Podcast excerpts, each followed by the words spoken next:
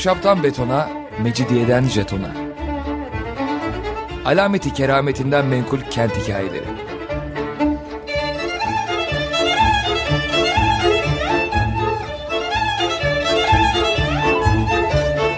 Hazırlayan ve sunan Pınar Erkan.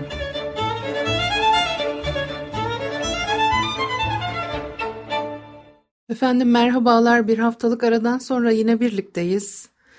95.0 frekanslı açık radyoda ahşaptan betona, mecidiyeden jetona tam şu anda başlamış bulunmakta.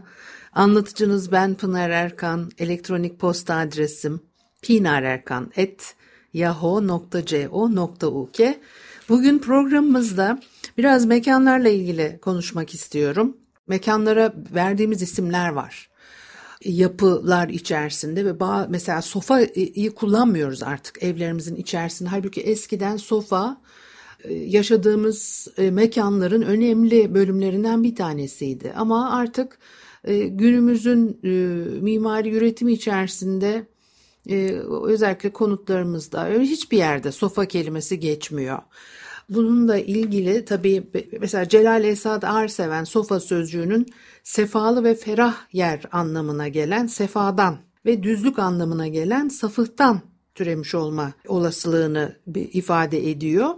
Fakat kelime anlamı ve mekanın terminolojisinin kökenleri açısından incelendiğinde Türkçedeki sofa kelimesinin Arapça aslı suffe olduğunu söylüyor Oya Şenyurt. E, Galata sözlüklerinde de sofanın Arapça ismi olan suffe kelimesinin değiştirilerek kullanılmasından kaynaklandığı kaydedilmiş. Başka kaynaklarda suffa olarak da geçiyormuş. Farklı metinlerde farklı şekillerde geçiyor. Alıntı yaptığınız zaman da tabii onu o şekilde kullanıyorsunuz. Suffe ya da suffa hicretten hemen sonra Medine Mescidi'nin yanında inşa edilen bir e, mekandan geliyor. E, hicretten sonra muhacir ve ensar arasında kurulan bir ahdi kardeşlik sözleşmesi var. Fakat buna rağmen bir yere yerleşemeyen bekar, fakir ve kimsesiz sahabiler bir yerlerde kalacaklar. Açıkta e, duracak halleri yok. Mescidi Nebevi'nin hemen yanı başında Suffa denilen ve gündüzleri de bir okul e, işlevi gören mekanlar yapmışlar. Geceleri barınacak bir yer oluyor, gündüz okul oluyor. Yatakhane biçiminde bir oda inşa edilmiş. O yaşayan yurt bunları çok güzel anlatıyor. Mescidin hemen yanında Hazreti Muhammed ve eşlerinin e, kullanımı için de birkaç oda yapılmış. E, taş, kireç, hurma ağacı kütükleri gibi çeşitli malzemeler kullanılmış ve hurma ağacından derlenen e, dal yapraklarla damın üzerine örtmüşler gölgelik bölüm oluşuyor. Hurma dallarıyla örtülünce e, onun altında meydana gelen gölgelik bölüme suffa diyorlar. Burada bulunan sahabilere de ashab-ı suffa veya ehli suffa denilmiş. Yatıp kalkacak yeri olmayanlar, evi bulunmayanlar için suffa işte geceleri e, kaldıkları bir yurt yatakhane işlevi e, görüyor. E, yeni katılanlar veya evlenip ayrılanlar olduğu için e, ashab-ı suffenin sayısı sürekli değişiyormuş. Mekanın genişliğini tam olarak bilemiyoruz. Fakat aynı anda 70 kişinin kaldığına veya kalabildiğine dair rivayetler var. Dolayısıyla da e, genişçe bir alan olması lazım ki bu kadar kişi e, aynı anda kalabilsin. Farklı zamanlarda kalanların toplam sayısının da 400'e ulaştığıyla ilgili bilgiler. İşte böyle kelimeleri incelemeye başladığınız zaman çok ilginç yerlere e, gidebiliyor. E, bir mekanın tarihsel kökeni ve terimin kullanımı. Sofaya baktığınız zaman 622 yılından hemen sonraya dayanıyor. Suffa ya da suffe kelimesinden kaynaklanarak dilimize yerleşmiş sofa terimi. Onun da tarihsel kökenleri hem kamusal kullanıma açık bir toplanma mekanı tarifini de yapıyor hem de Üstü ağaç dallarıyla örtülü, yarı açık bir e, mekanın adı olduğunu da böylece anlamış oluyoruz. O 13. yüzyıl metinlerinde geçiyor sofa kelimesi. Sofalarda toplantılar yapılıyormuş. Dolayısıyla da buradaki oturma düzeni hakkında bilgiler veriliyor. E, o 13. yüzyıla tarihlenen metinleri göz önüne aldığınız zaman e, Anadolu'da sofanın bir toplanma yeri olarak ne kadar eskiye dayanan bir e, kullanım şekli olduğunu da e, anlamış oluyoruz. E, Topkapı Sarayı'nda hünkâr sofası var. Yine benzer bir e, kullanımla. E, aynı zamanda hükümdar ve vezir saraylarında, konaklarda bir bekleme yeri, bir e, giriş holü görevini de sofa üstleniyor. Valide Sultan Dairesi sofaları da bu anlamda gayet işlevsel. Sofa kurmak deyimini de hiç kullanmıyoruz bugün. Duymuş muydunuz acaba daha önce sofa kurmak deyimini? Yine e, o sufvenin kamusal anlamına dayanan bir şey. Çok sayıda kişinin paylaştığı bir mekanın bir toplantı hatta mahkeme olarak kullanıldığını anlatıyor. Osmanlı İmparatorluğu'nda tulumbacı efradı arasındaki kavgalar çıktığı zaman ve suçluya bir suçluya bir ceza verilecek. O cezanın kararlaştırılması için bir toplantı yapılıyor. İşte o toplantıya da sofa deniyormuş. Mahallelerde e, işte neyse o merkez dairelerinin e, tulumba ocaklarında e, yapılan toplantılara sofa deniyor. Kilise heyetlerinde divan adıyla bir çeşit sulh ceza mahkemesi kuruluyor.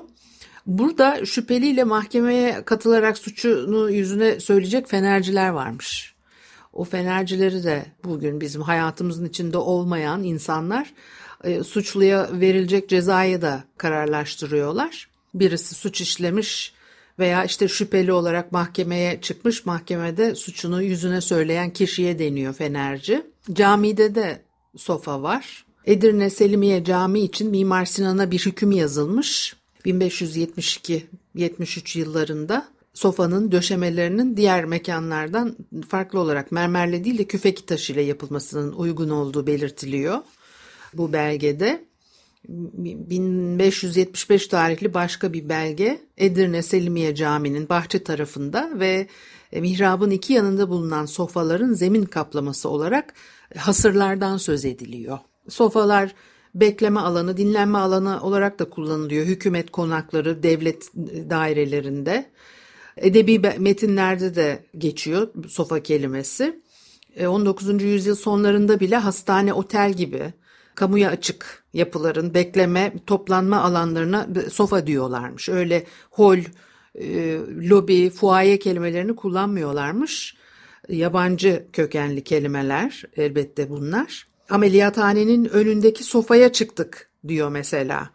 Peyami Safa'nın 9. hariciye e, koğuşunda. Bizim sofa da galeyanda her gün dolup boşalıyor. Sandalyeler mütemadiyen yer değiştiriyorlar diyor gene aynı e, eserde. Yine 1898 yılında yazılmış bir belgede Sadaret'in Babali sofa ve yollarına evrak sandıkları, dolap ve diğer eşyaların konulmamasını ve her zaman başvurulması mümkün olan evrakın dairelerdeki memurların odasında bulundurulmasını, geri kalanında evrak mahzenlerinde saklanmasının e, uygun olduğunu bildiren bir emirden söz ediyor. Yine e, o yaşayan yurt. Otellerde müşterilerin oturması beklemesi için e, yapılan etrafı kapalı çoğunlukla sütunlarla süslü ve üstü camlı büyük kapalı avlulara da sofa deniyor. Sofalar tabii her zaman lüks dekorasyona sahip olmak zorunda değillermiş demek ki. Ee, Birçok otel konuta e, dönüştürülüyor. O zaman da o özel alanlarda yapılması gereken kişisel etkinliklerin gerçekleşmesine sahne olan ve e, toplu kullanımın kurallarına uyulmayan mekanlar haline geldiği de e, söylenebilir. E, yine Memduh Şevket Esendal'dan diyor ki Ankara'daki eve bir kapıdan girdiler. Kaldırım döşeli bir avludan geçtiler. Üç beş ayak bir merdiven çıktılar. Orada birkaç oda, aralıklar vardı.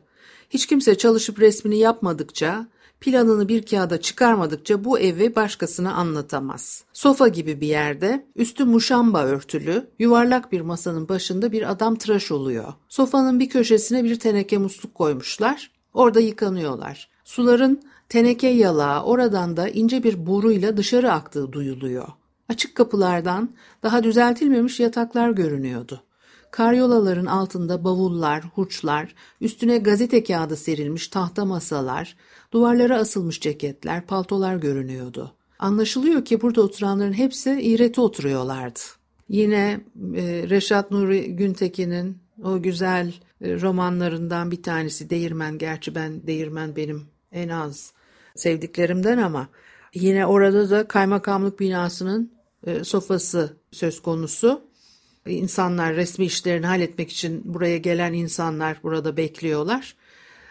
Makam odasının kapısı açılıyor sofaya. Diyor ki yani şöyle bir cümle var. Böyleyken iki hafta evvel kaymakamın huzuruna girmek için sofada sıra bekleyen bir koca karının kafasına kerpiç düşmüş. Bir kaza çıkarmasına bıçak sırtı kalmıştı diyor. Bahçelerde çiçeklerin bir arada yetiştirildiği yerden az bir yüksekliğe sahip yerlere de sofa diyorlarmış. Mesela lale sofası, karanfil sofası gibi isimlerle anıyorlarmış. E, o zaman bir e, müzik arası verelim ondan sonra devam edelim. Efendim Açık Radyo'da ahşaptan betona, mecidiyeden jetona devam ediyor. Bugün e, biraz daha e, sofa kelimesi üzerinde durduk. Yani bir mekana verilmiş bir isim.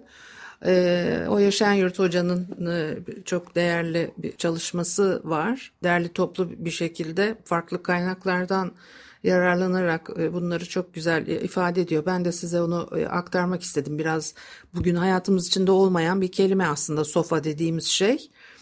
Ama eski dönemler nereden kaynaklanıyor filan ilk, ilk bölümde onu konuşmuştuk. İşte Osmanlı arşiv belgelerinde de elbette sofa kelimesine rastlanıyor. Bir de ama sofa kelimesiyle eş anlamlı olarak kullanılan zulle veya hayat gibi terimler var. Daha başka pek çok tabii terim var e, mimari olarak mekanları isimlendirilen. Hani biz şimdi sofa üzerinde duruyoruz sadece sofa değil o tabii ki. 18. E, yüzyıl belki kısmen ama 19. yüzyıl ve e, sonrası geleneksel konut mimarisinde kapalı sofa e, kullanımları önemli bir özellik haline gelmişti. Bu nedenle günümüzün sözlükleri de büyük ölçüde sofayı binaların içinde büyük ve geniş olarak bırakılan ve odaların kapılarının açıldığı yer olarak tarif ediyor. Dolayısıyla da biz sofa deyince böyle hep kapalı bir mekan olarak düşünüyoruz onu. E, fakat e, daha eski kaynaklardan öğrendiğimiz kadarıyla sofanın yarı kapalı ve işte dışarıya kısmi olarak açık olduğu, dolayısıyla da farklı biçimlenmelerin de söz konusu olabildiği anlaşılıyor. Kelimeler, o farklı kelimeler de biraz buradan kaynaklanıyor.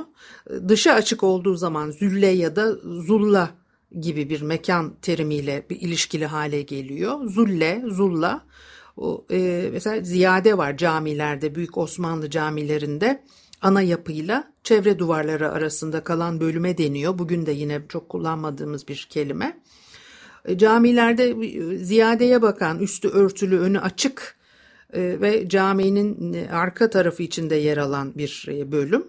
Yine benzer biçimde sayvan veya sayebanla bağlantı kurulabilir. Güneşten ve yağmurdan korunma amacıyla yapılmış geniş çatı saçakları var ya da sundurmalar. Bunların altındaki mekan ve işte Hazreti Muhammed zamanında ve hatta Hazreti Muhammed'in eğitim verdiği Suffe adlı mekanlıkla da Suffe adlı mekanla da benzerlik gösteriyor.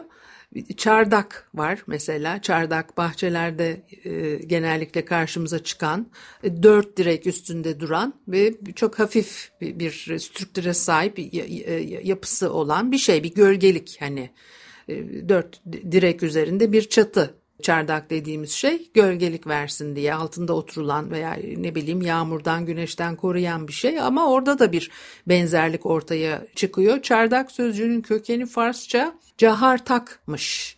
Aslında dört kemerle taşınan bir kubbeden oluşan ateşkede e, yapıları için kullanılan bir sözcükmüş bu. Yani Türkçe'de anlam kaymasıyla çardağa dönüşüyor. Şimdi ateşkede nedir diyeceksiniz. O Perslerde görülen bir yapı. İçinde e, kutsal ateş yanıyor. Kemerlerle e, birbirine bağlanan dört sütunun üzeri kubbeyle örtülmüş. İçinde de kutsal ateş yanıyor. E, böyle ilginç şeyler var. Anadolu evlerinde önü açık sofalara çardak deniyor ya da tahta puş. Çok güzel kelimeler var. Aslında bunları söyleyebilmek için yapıyorum bu programı, bu kelimeleri kullanabilmek için. Tahta boş. Ne kadar hoş. Biraz sonra da şahnişin diyeceğim. Yani şahnişin diyebilmek için yapıyorum bu programı. Artık hiç kullanmadığımız eski yapılarda karşımıza çıkan bölümler bunlar. Cumba bile unutuldu artık. Gençler e, cumba bilmiyorlar. Cumba nedir bilmiyorlar. Çünkü hayatlarının içinde yok artık. Sadece e, eski Türk romanlarını okumak da yetmez. E, o eski Türk romanlarında cumba kelimesini görecekler ama ondan sonra sokağa çıktıkları zaman cumba arasalarda bulamayacaklar ki Hüseyin Rahmi'nin kitapları eserlerinde geçer. Şahnişinden kaçar kedi. Ben çok severim o hikayeyi. Böyle sütlaç yapılmış bir parmak kalınlığında e, üzerinde kaymak tutmuş. O tahta boşa yerleştirilmiş bir kedi gelmiş yemiş sütlaçları içlerine patileriyle basa basa bir güzel tüylerini de bıyıklarını yalaya yalaya sokmuş ağzını içine ondan sonra da üstlerinden basa basa geçmiş şahnişinden kaça kaça gitmiş. Onu öyle bir anlatır ki Hüseyin Rahmi sütlaç yemek istersiniz. Çok e, keyifli hikayeler tabii bunlar ve artık tahta boş var ne şahnişim var bugünkü yapılarımızda. Pencere bile kalmadı, balkon kalmadı, pencere kalmadı. Düşünsenize pencere bile açamıyorsunuz artık. Şimdi Yerasimos 16. yüzyıl e, vakıf tahrir defterleri üzerinde bir araştırma yapmış. İçinde en az dört oda olan eski bir çardağa rastlamış. Çardak dediğin şey de demek ki kapalı bir mekan olabiliyor. Ee, bizim düşündüğümüz gibi eski dönemlerde e, o kadar basit yapılar olmadıkları e, anlaşılıyor. 16. yüzyıldaki konutların öyle çok katlı olmadığını e, biraz böyle bu konuların içine girdiğiniz zaman anlıyorsunuz. Zaten çok az var kayda geçmiş ev var. O kayda geçen evlerin sadece yarısından biraz fazlası birden fazla kata sahipmiş. %53 kadar. E, düşünsenize İstanbul'da hep tek katlı. Yarısı İstanbul'un o dönemde tek katlı yapılardan oluşuyormuş. 3 ya da daha fazla kata sahip olan ev sayısı sadece %12. Hiç yok değil. Çünkü eski gravürlerde de görürsünüz Bizans döneminde de var daha çok katlı yapılar.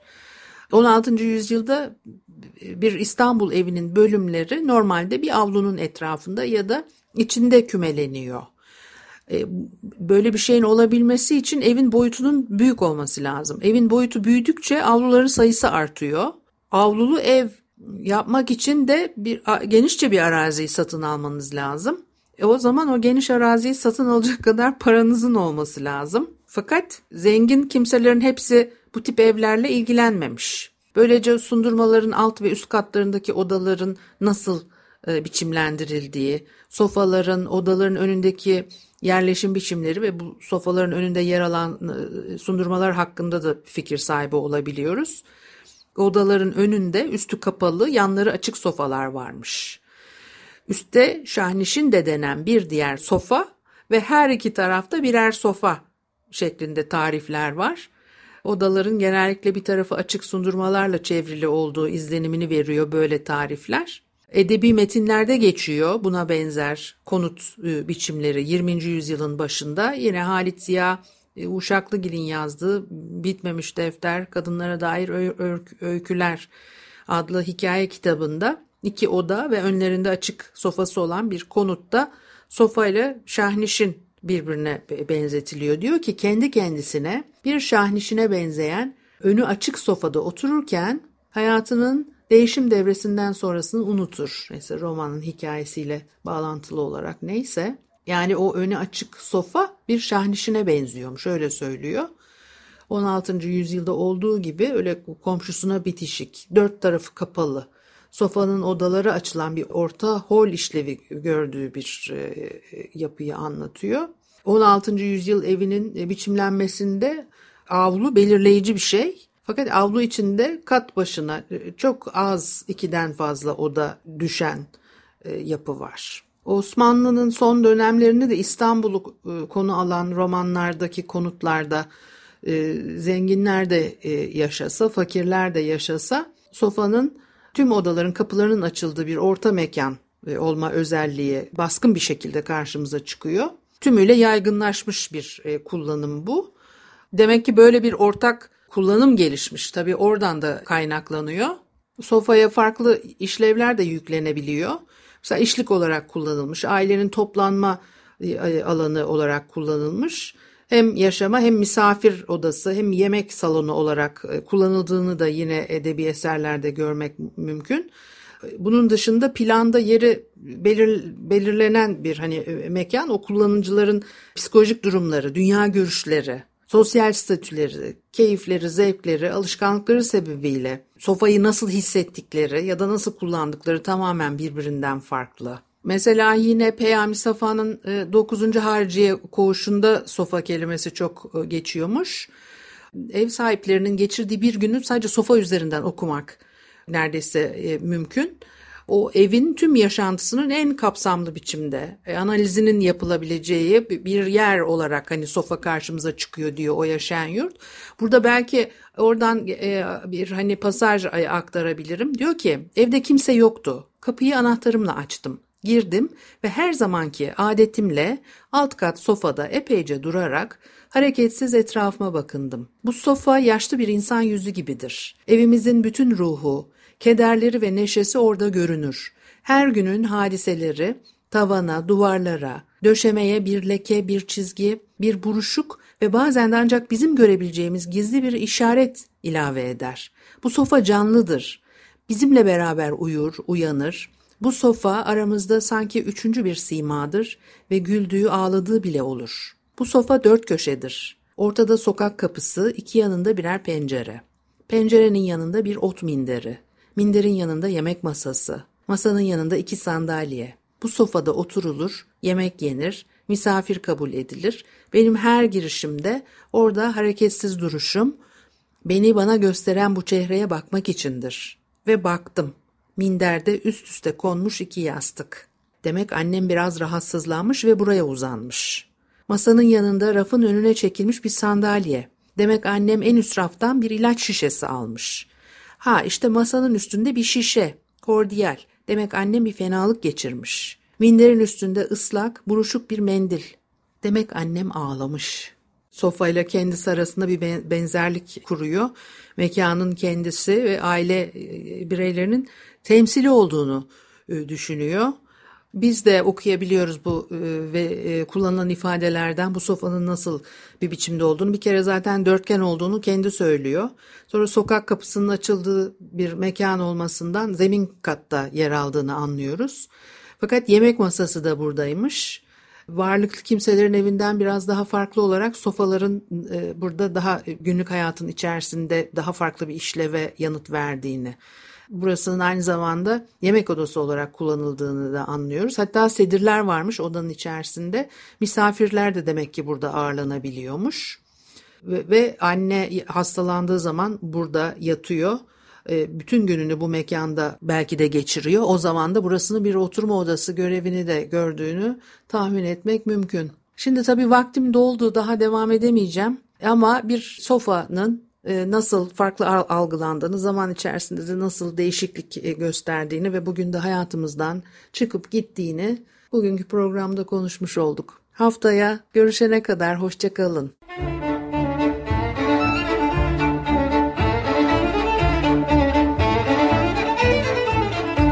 Ahşaptan betona, mecidiyeden jetona. Alameti kerametinden menkul kent hikayeleri.